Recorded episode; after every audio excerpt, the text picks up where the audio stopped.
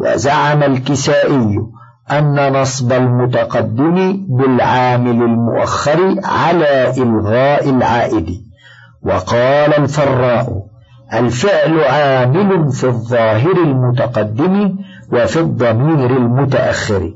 ورد على الفراء بأن الفعل الذي يتعدى لواحد يصير متعديا لاثنين. وعلى الكسائي بأن الشاغل قد يكون غير ضمير السابق كضربت غلامه فلا يستقيم إلغاؤه حينئذ. ثم قلت ومنه المنادى وإنما يظهر نصبه إذا كان مضافا أو شبهه أو نكرة مجهولة. نحو يا عبد الله ويا طالعا جبلا. وقول الأعمى يا رجلا خذ بيدي. وأقول المنادى نوع من أنواع المفعول به وله أحكام تخصه فلهذا أفردته بالذكر وبيان كونه مفعولا به أن قولك يا عبد الله أصله يا أدعو عبد الله فيا حرف تنبيه.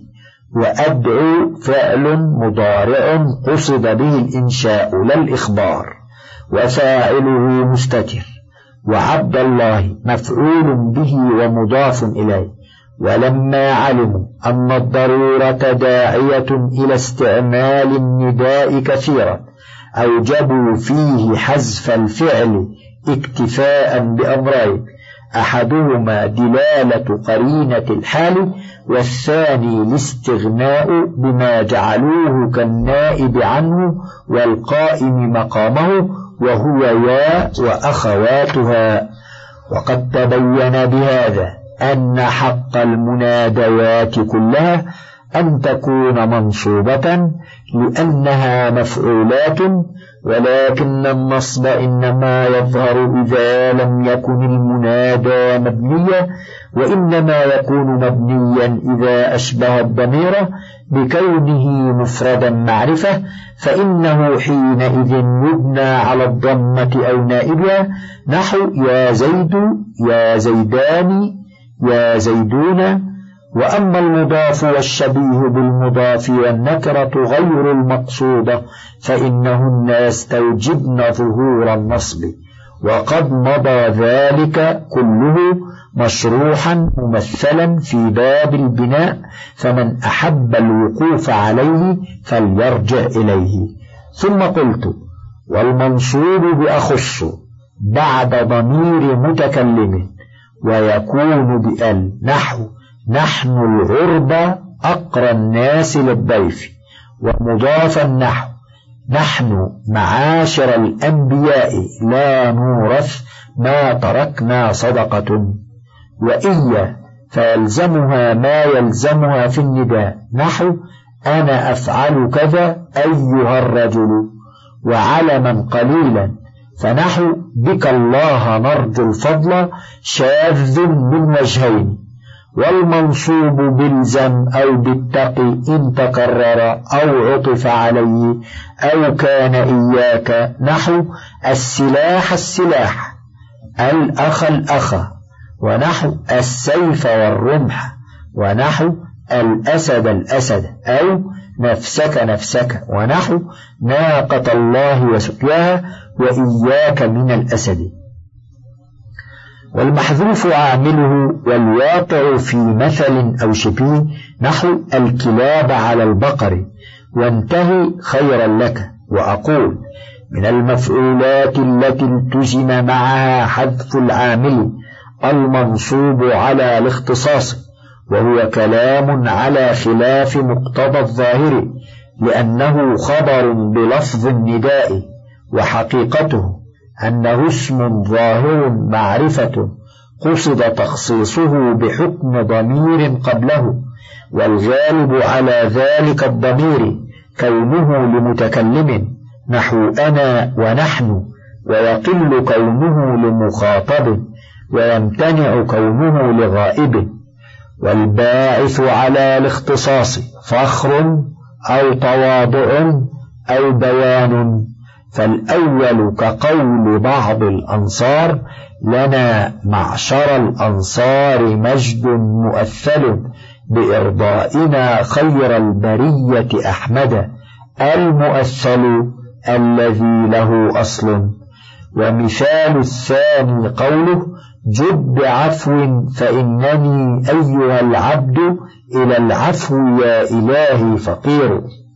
ومثال الثالث إنا بني نهشل لا ندعي لأب وتعريفه بأل نحو نحن العرب أقرى الناس للضيف التقدير نحن أخص العرب وتعريفه بالإضافة كقوله نحن بني ضبة أصحاب الجمل ننعى ابن عفان بأطراف الأسد الأسد الرماح ومن تعريفه بالإضافة قوله صلى الله عليه وسلم إن آل محمد لا تحل لنا الصدقة ونحن معاشر الأنبياء لا نورث ما تركنا صدقة وقد اشتمل الحديث الشريف على ما يقتضي الكشف عنه وهو أن ما من قوله ما تركنا موصول بمعنى الذي محله رفع بالابتداء وتركنا صلته والعائد محذوف أي تركناه. وصدقة خبر ما هذه على رواية الرفع وهو أجود لموافقته لرواية ما تركناه فهو صدقة وأما النصب فتقديره ما تركنا مبذول صدقة فحذف الخبر لسد الحال مسده مثل ونحن عصبة. ويجوز فيما أن تكون موصولا اسميا كما تقدم وأن تكون شرطية فما على الأول في محل رفع وعلى الثاني في محل نصب والمعنى أي شيء تركناه فهو صدقة ويكون المنصوب على الاختصاص بلفظ أي فيلزمها في هذا الباب ما يلزمها في النداء من التزام بنائها على الضمة وتأنيثها مع المؤنث والتزام إفرادها فلا تثنى ولا تجمع باتفاق ومفارقتها للإضافة لفظا وتقديرا ولزومها التنبيه بعدها ومن وصفها باسم معرف بأل لازم الرفع. مثال ذلك أنا أفعل كذا أيها الرجل واللهم اغفر لنا أيتها العصابة. المعنى. أنا أفعل كذا مخصوصا من بين الرجال. واللهم اغفر لنا مختصين من بين العصائب. ويقل تعريفه بالعلمية ففي نحو بك الله نرجو الفضل شذوذان. كونه بعد ضمير مخاطب وكونه علما. ومن المحذوف عامله المنصوب بالزم ويسمى إغراء والإغراء تنبيه المخاطب على أمر محمود ليلزمه. نحو أخاك أخاك إن من لا أخا له كساع إلى الهيجا بغير سلاح وإنما يلزم حذف عامله إذا تكرر كما سبق في البيت. أو عطف عليه نحو المروءة والنجدة فإن فقد التكرار والعطف جاز ذكر العامل وحذفه نحو الصلاة جامعة فالصلاة منصوب بحضر مقدرة وجامعة منصوب على الحال فكأنه قيل احضروا الصلاة جامعة. ويمكن أن يكون من هذا النوع قول الشاعر أخاك الذي إن تدعه لملمة يجبك كما تبغي ويكفيك من تبغي وإن تجفه يوما فليس مكافئا فيطمع ذو التزوير والوشي أن يصغي. على تقدير إلزم أخاك الذي من صفته كذا. ويحتمل أن يكون مبتدأ والموصول خبره وجاء على لغة من يستعمل الأخ بالألف في كل حال وتسمى لغة القصر كقولهم مكره أخاك لا بطل. ثم قلت الثاني المفعول المطلق وهو المصدر الفضلة. المؤكد لعامله أو المبين لنوعه أو لعدده. كضربت ضربا أو ضرب الأمير أو ضربتين. وما بمعنى المصدر مثله. فلا تميلوا كل الميل ولا تضروه شيئا. فاجلدوهم ثمانين جلدة. وأقول الثاني من المنصوبات المفعول المطلق وسمي مطلقا لأنه يقع عليه اسم المفعول بلا قيد. تقول ضربت ضربا فالضرب مفعول لأنه نفس الشيء الذي فعلته. بخلاف قولك ضربت زيدا فإن زيدا ليس الشيء الذي فعلته ولكنك فعلت به فعلا هو الضرب. فلذلك سمي مفعولا به وكذلك سائر المفاعيل. ولهذه العلة قدم الزمخشري وابن الحاجب في الذكر المفعول المطلق على غيره لأنه المفعول حقيقة. وحده ما ذكرت لك في المقدمة وقد تبين منه أن هذا المفعول يفيد ثلاثة أمور.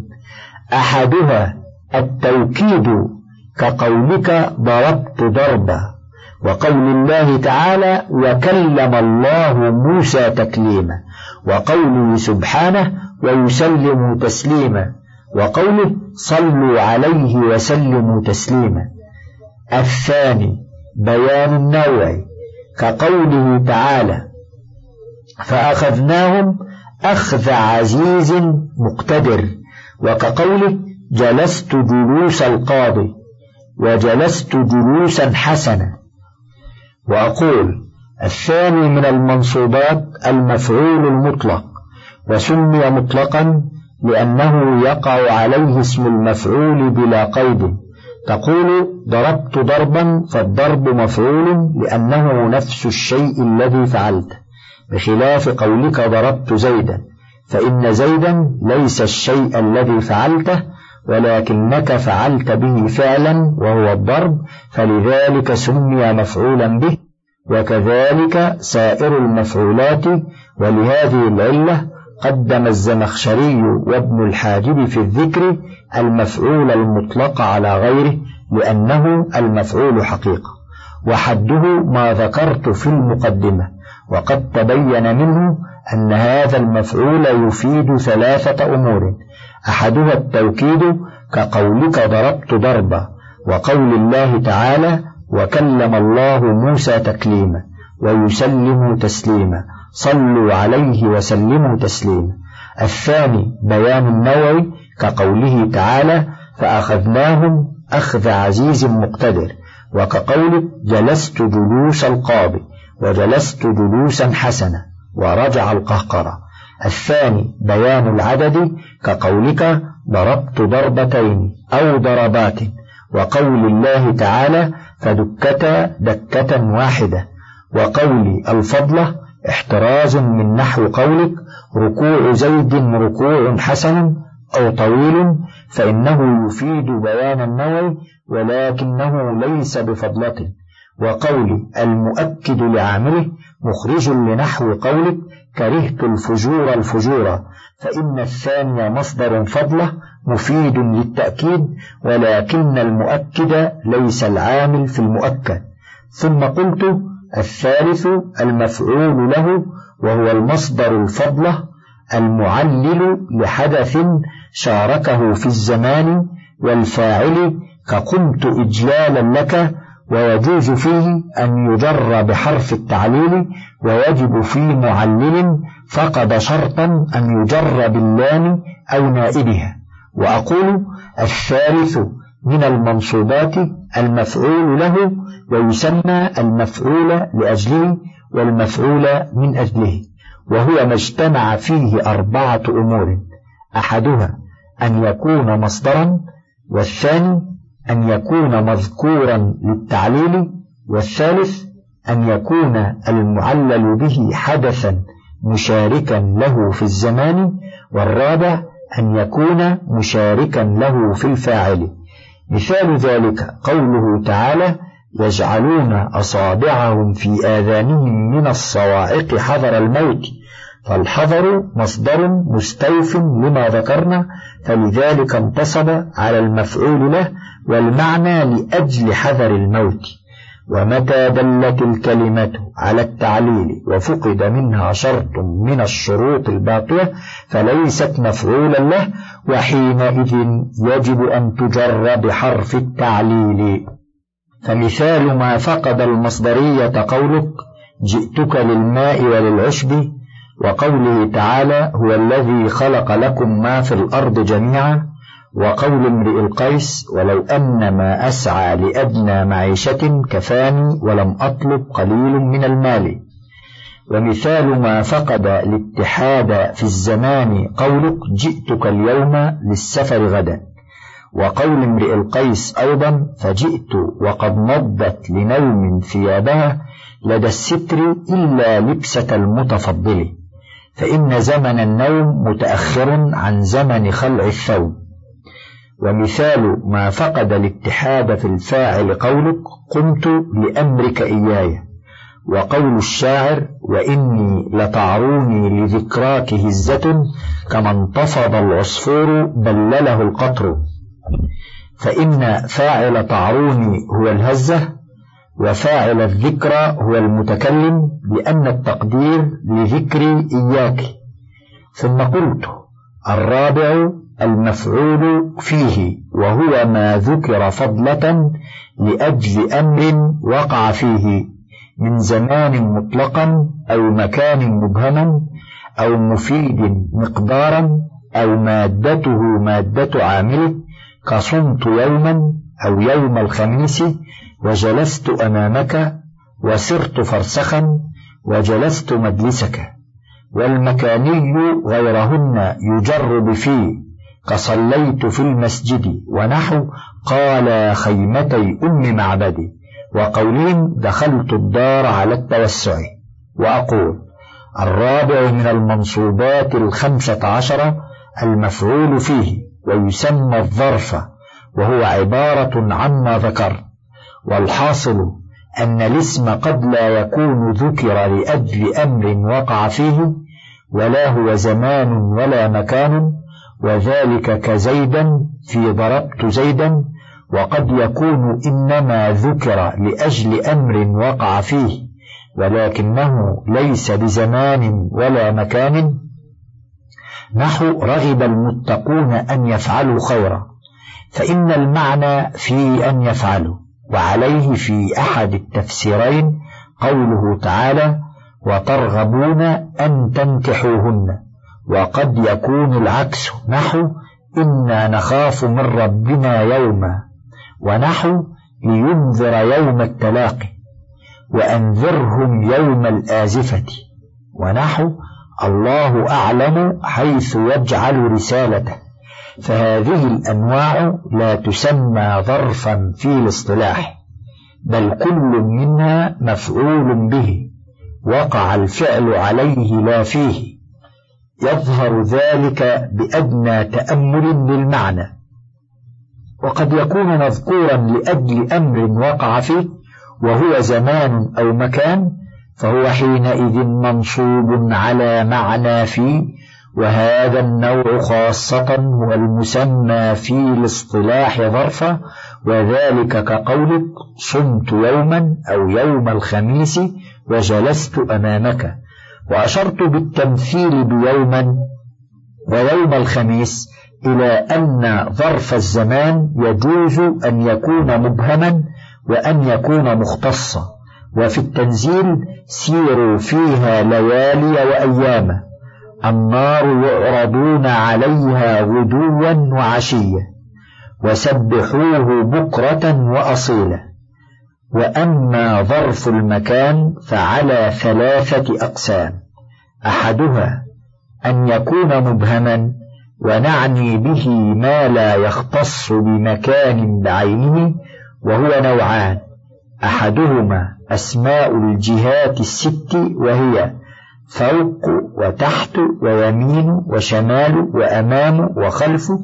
قال الله تعالى وفوق كل ذي علم عليم فناداها من تحتها في قراءة من فتح ميم من وكان وراءهم ملك وقرئ وكان أمامهم ملك وترى الشمس إذا طلعت تزاور عن كهفهم ذات اليمين وإذا غربت تقرضهم ذات الشمال.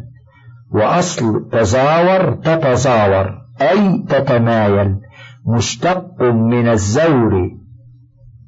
وهو الميل ومنه زاره أي مال إليه ومعنى تقرضهم تقطعهم من القطيعة وأصله من القطع والمعنى تعرض عنهم إلى الجهة المسماة بالشمال وحاصل المعنى أنها لا تصيبهم في طلوعها ولا في غروبها.